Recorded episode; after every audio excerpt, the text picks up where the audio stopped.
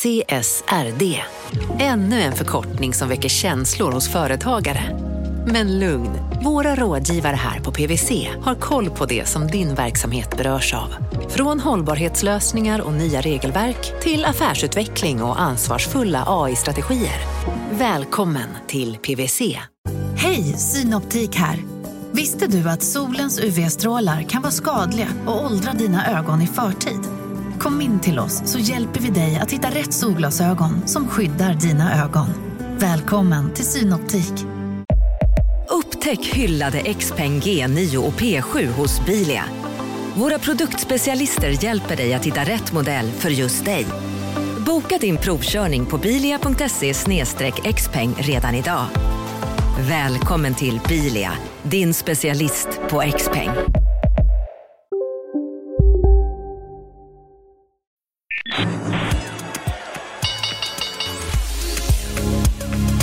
Det här är Marknaden med Helene Rothstein.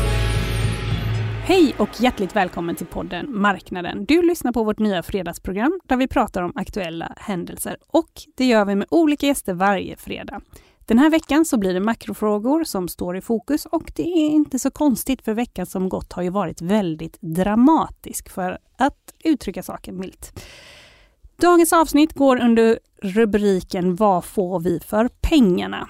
Vi kommer alltså att prata om den rekordhöga inflationen, vilka utmaningar som väntar en ny regering och skillnaderna mellan företagens och konsumenternas förväntningar. Och det här är något som blivit kanske då övertydligt med de vinstvarningar som sänkt börsbolag under veckan som gått. Jag heter Helene Rådstein och med oss i studion idag så har vi Henrik von Sydow, omvärldsstrateg på Carnegie Investment Bank och Helena Bornevall, seniorekonom på Handelsbanken. Välkomna hit! Tack så mycket. Tack så mycket, kul att vara här. Ni kör ju en del dragningar för era kunder och så vidare. Vad är den vanligaste frågan du får, Helena? Ja, men nu är det ju mycket, mycket fokus på inflation och, och räntor här. När toppar inflationen? När vänder det ner? Hur mycket kommer räntorna stiga och eh, vad får det för effekter? Och du Henrik?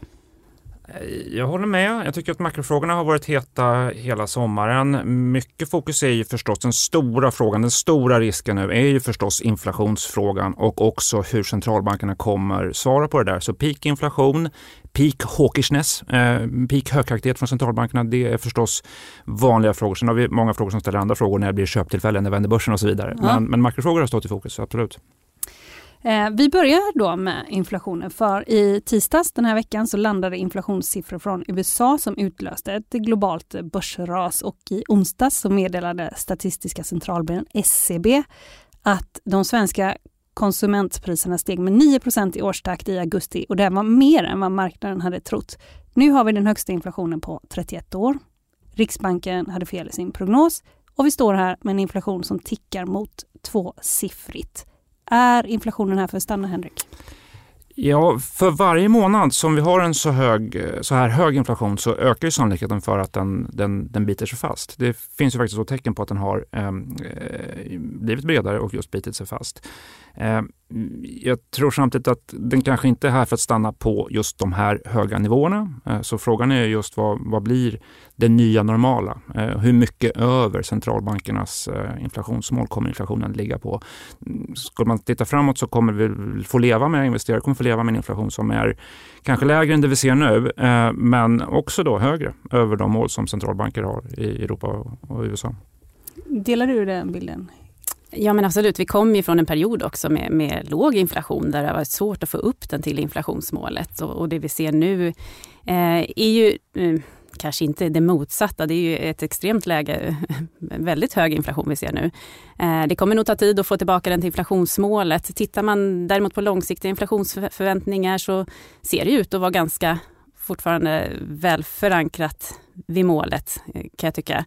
Eh, för svensk del ligger de på 2,2 och sådär. Men Eh, de kortsiktiga inflationsförväntningarna har ju stigit här och det finns ju en, eh, en ökad risk som, som Henrik är inne på här för eh, att det, en höginflationsregim i värsta fall eh, ju längre vi ser inflationen. Mm, vi ser också det på några ställen ute i världen. Inflationen har ju verkligen så sprängts som typ i Argentina och så där. Det är ju verkligen på flera håll ju, kan man ju säga eller hur? Eller? Jo men verkligen, det, det är dramatiskt eh, och du ser ju pikar. Jag tycker att man eh, får oftast då upp, eh, uppmärksamhet på just de, de siffrorna som sticker ut på, på headline inflation och sådär. Jag tror att det det, det, det, du ska hålla koll på är ju hur bred är den? Eh, vilket fäste får den? Förstås inflation, inflationsförväntningar framåt. Jag tror att om man då ska titta på hur centralbanker kommer agera på det här så är det core inflation, alltså kärninflationen som är den viktiga. Också där ligger den ju högt alltså. Vi har ju en inflation, core inflation i USA som är på 6% kärninflationen i Sverige nära 7. Eh, så det tycker jag är den relevanta siffran att titta på snarare än spektakulära siffror i enskilda geografier och länder som, som sticker ut. Även om det är en indikation förstås. Nu på tisdag, alltså den 20 september, så kommer Riksbanken med ett nytt räntebesked och myndigheten har aviserat för en dubbelhöjning, men flera ekonomer och bedömare, de säger att vi kan vänta oss en trippelhöjning. Vore det bra med lite rejäl höjning, Helena? Vad säger du? Ja, vi tror ju att vi kommer få se 75 punkters höjning här nu och bra och dåligt. Jag tror att man eh, Eh, blir tvungen att agera här eh, ganska kraftigt i närtid för att faktiskt dämpa efterfrågan. Det ser ut att vara ganska starkt efterfrågeläge fortfarande. Eh, om man tittar på företagen ser det ut som att det är ganska eh, gott lönsamhetsomdöme och så vidare. Så att eh, jag tror att man kommer gå fram ganska hårt här och sen är frågan det är prisat in ganska mycket vid fortsatta möten också så att eh, det är stora osäkerheter hur, hur, snabbt, eh, hur mycket som kommer krävas och sen hur ekonomin kommer reagera på det och det eh, kan ju finnas en viss eftersläpning i, i de effekterna. Mm. Vad säger du, en rejäl höjning? Jag tycker att man ska ha en framtung eh, räntehöjningscykel, absolut. Det tror jag gör att vi på sikt inte behöver höja lika högt eh, och kanske inte lika länge. Så att, absolut framtungt. Jag är också det är samtidigt lite, jag ska säga, att ta i allt för hårt. Eh, nu när marknaden börjar spekulera om att 100 punkter nästa vecka och så. Det, det skulle jag nog avråda från. Det tror jag är att skrämmas från centralbankerna om man tar i allt för mycket och allt för högt. Så fortsätt vara, vara framtung men var också då förutsägbar i beteendet.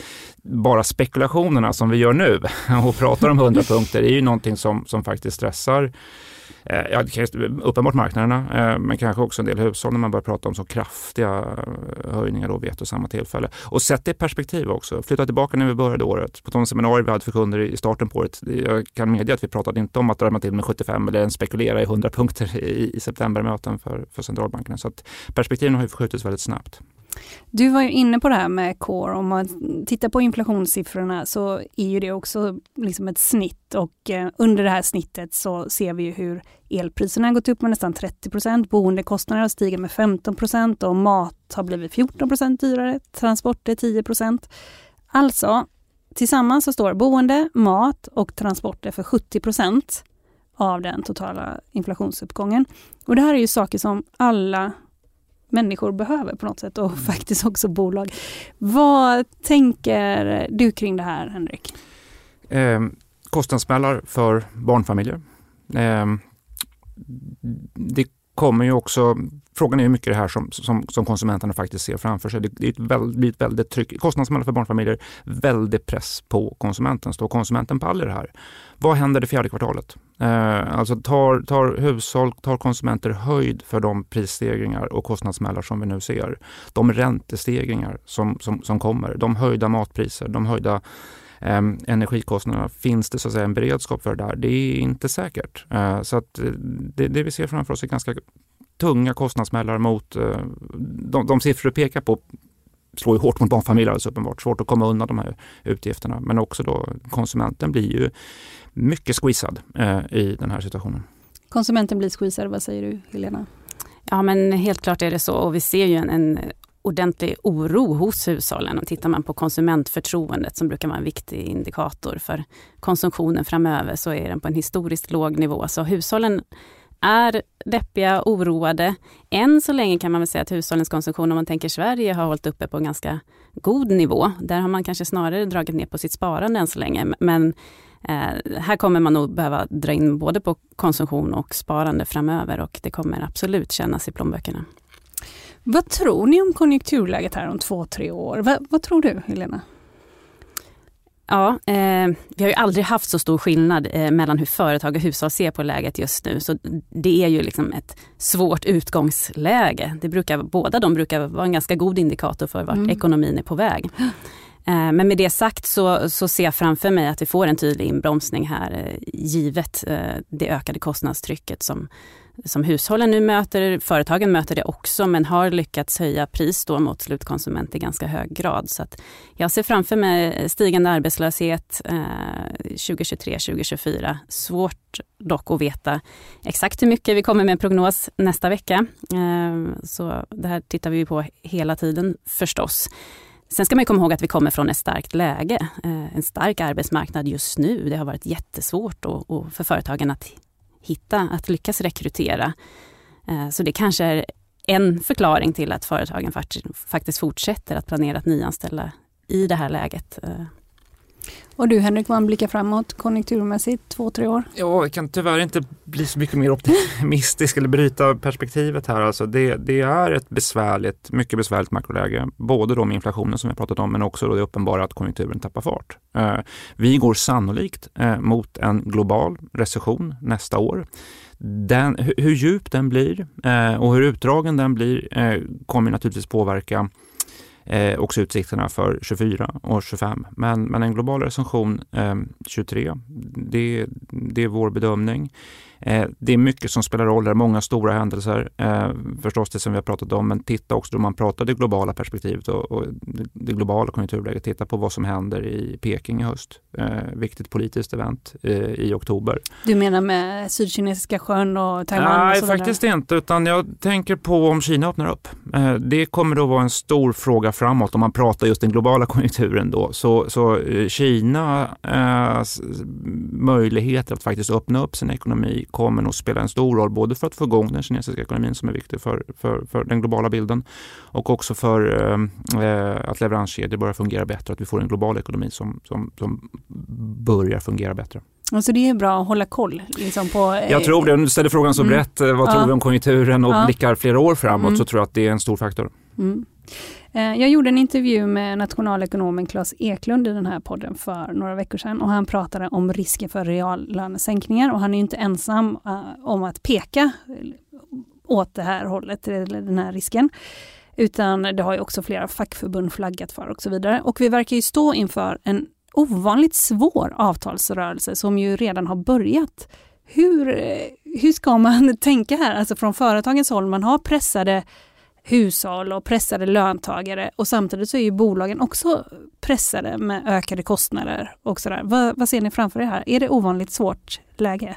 Ja, men det skulle jag säga, för vi kommer från ett väldigt starkt läge som vi var inne på. Eh, företagen har gjort vinster, haft ganska god lönsamhet och sen så viker konjunkturutsikterna framåt. Så det handlar lite om hur ska man väga nuläge mot framtid då, framtida konjunkturutsikter eh, bland annat. Ska arbetstagarna få del av en, en del av den där eh, ökade vinsterna och också då eh, värna inflationsmålet. Så att man har ju lite olika perspektiv då från arbetstagar och arbetsgivarsidorna här. Eh, eh, sen tror jag att man är ganska överens om att den lönebildningsmodell som vi har i Sverige har fungerat väl historiskt.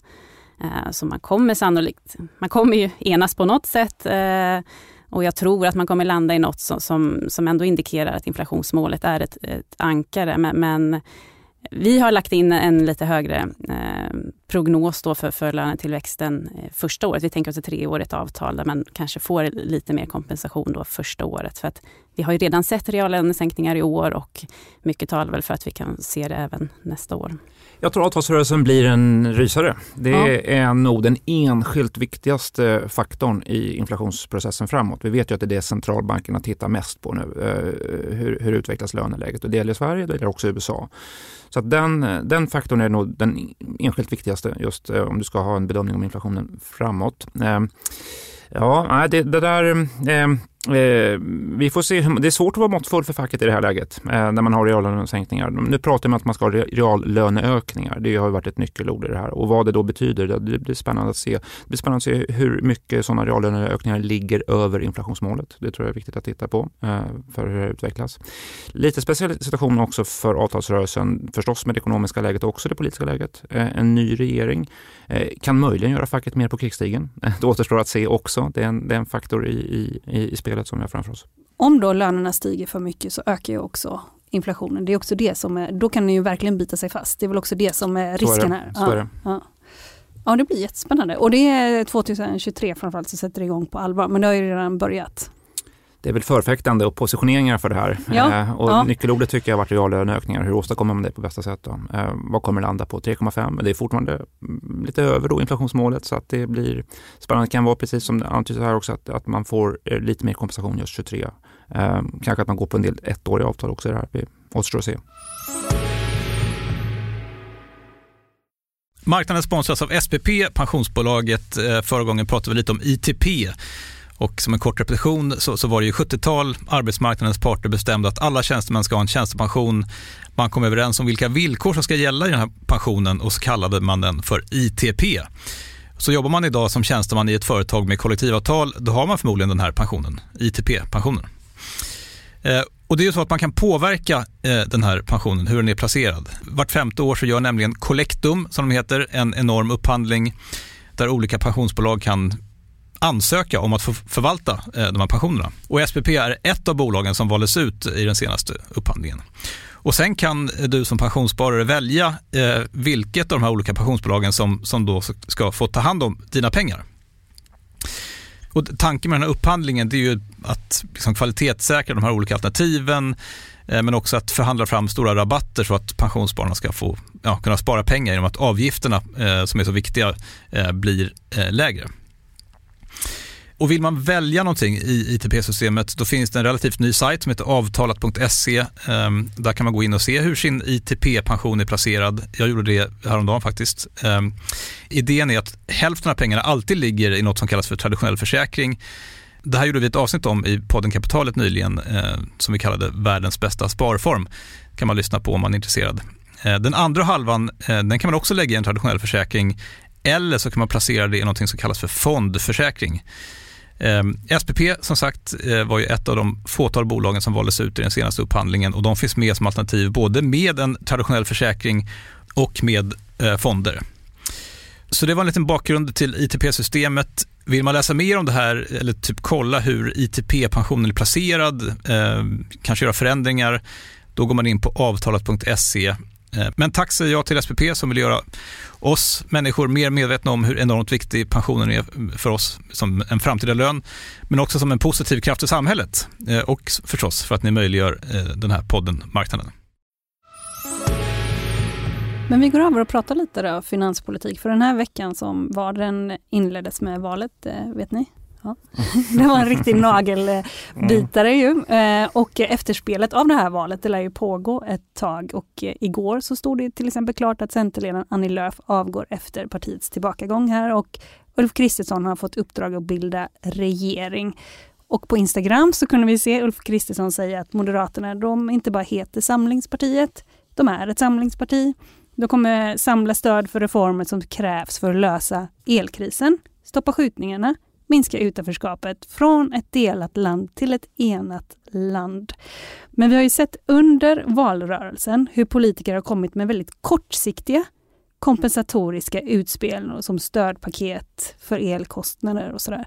Men någonstans så känns det ju som att nu måste man ta ansvar för landets ekonomiska framtid.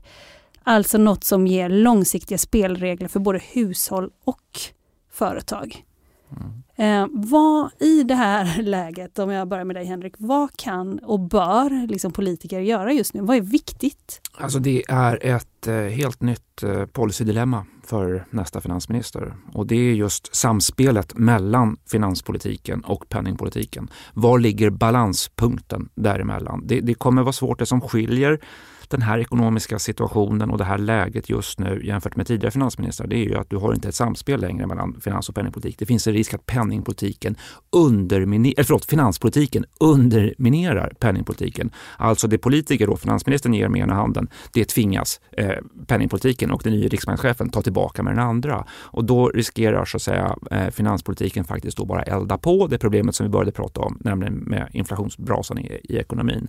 Så att det kommer bli en utmaning eh, i en väldigt svår avvägning, ett väldigt svårt dilemma för nästa finansminister att då så att säga hitta den här balanspunkten. Att inte ge för mycket stöd till hushållen, inte för breda stöd, inte för stora stöd, inte tro att det här är någonting som kommer permanent. Eh, det kommer vara en väldigt eh, svår avvägning och eh, kommer också, kan man notera här, att det blir lite personskiften. Maktskiften på flera finansiella institutioner här. Förstås Finansdepartementet, ny finansminister, också Erik Thedéen. På Riksbanken, ny ja. riksbankschef. Det ska också till en ny chef, en ny generaldirektör för Finansinspektionen. Mitt i inflationsmiljön så är det flera viktiga skiften. Nu finns det ju en institutionell stabilitet och ett, ett så att säga, samspel. Det finns ju regler att förhålla ja, sig till. Absolut. Ja, absolut man säger att det här sitter i väggarna och så vidare. Ja. och så där. Men, men det, det jag vill peka på att det är en ny omvärld. Mm. Det är ett, ett nytt ekonomiskt och politiskt läge med, som ställer helt nya krav just på det här samspelet. Finanspolitiken, vad ska man ägna sig åt i det här läget? Ja, men finanspolitiken kan ju ha olika uppgifter. Det är dels dämpa konjunktursvängningar. Det kan ju bli svårare nu eh, på, på, grund av just det här policydilemmat. Så där får man ju tänka till så att man inte blåser upp inflationen ytterligare. Det kan ju handla om att omfördela resurser inom samhället förstås.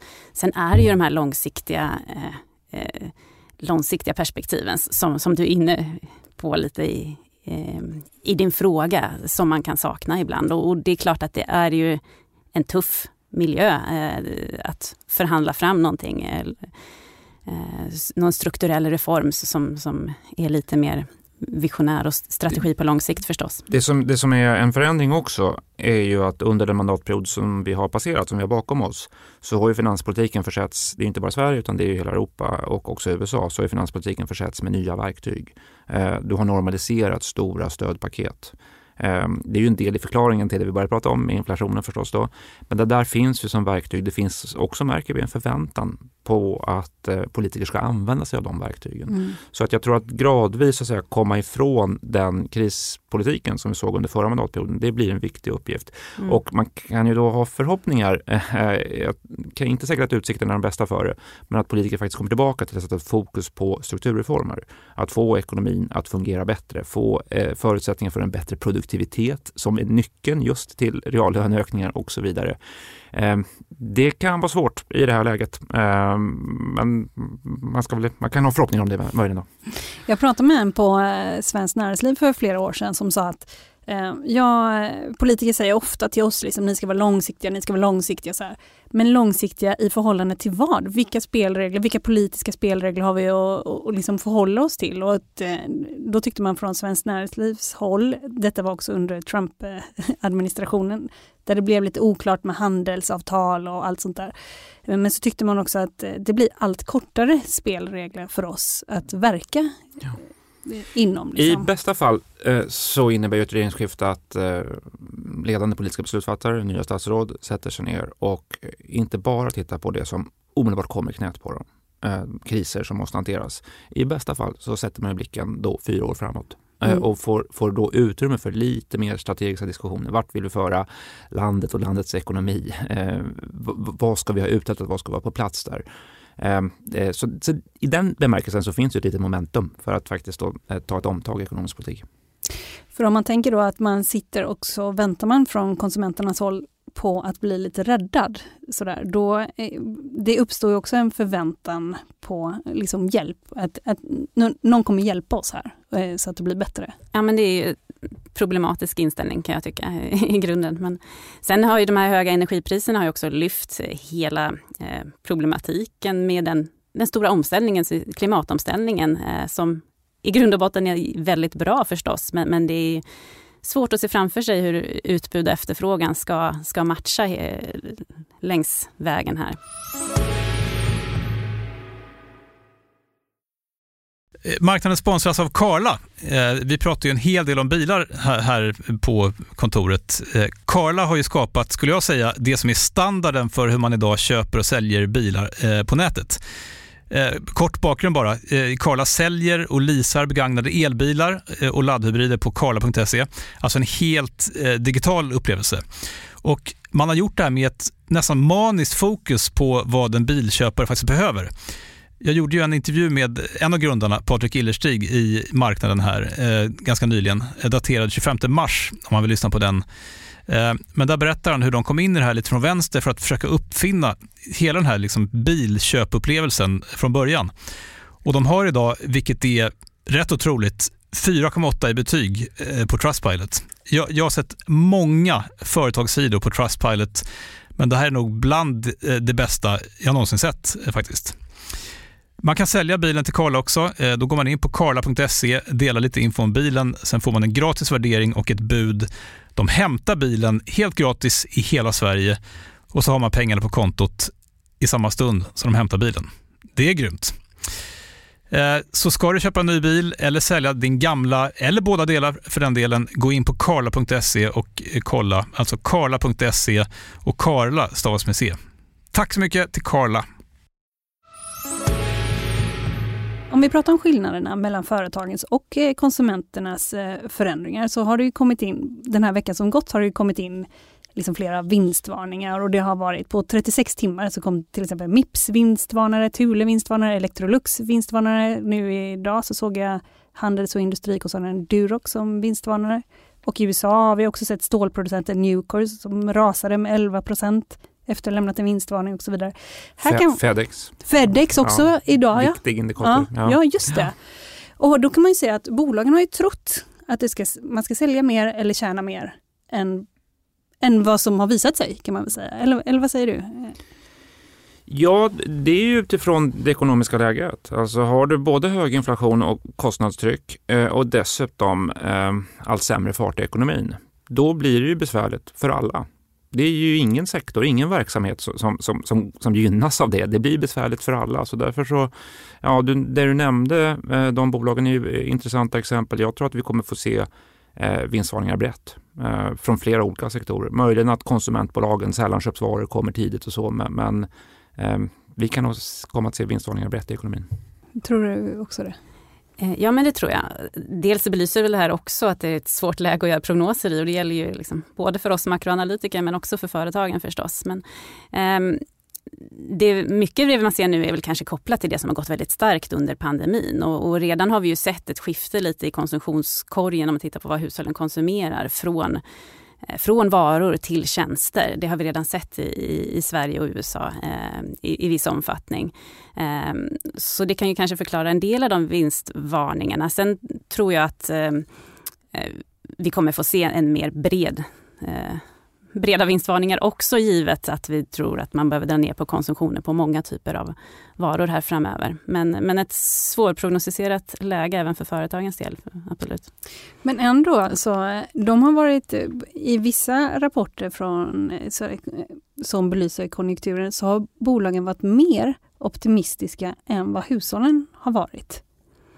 Ja men precis om man tittar vad de svarar i enkäter, det finns Konjunkturinstitutets konjunkturbarometer till exempel, så frågar man både företag och hushåll hur de ser på läget. Företagen svarar ju utifrån då orderingång, orderläge, eh, eh, anställningsplaner och så vidare. Eh, där ser det ju som vi varit inne på lite tidigare, det är ganska starkt ut fortfarande. Eh, även om det är lite dalande indikatorer på vissa håll. Eh, Medan då hushållen är historiskt deppiga. Så att, eh, ehm, det kommer nog bli eh, lite tufft även för företagen, helt klart, framåt också.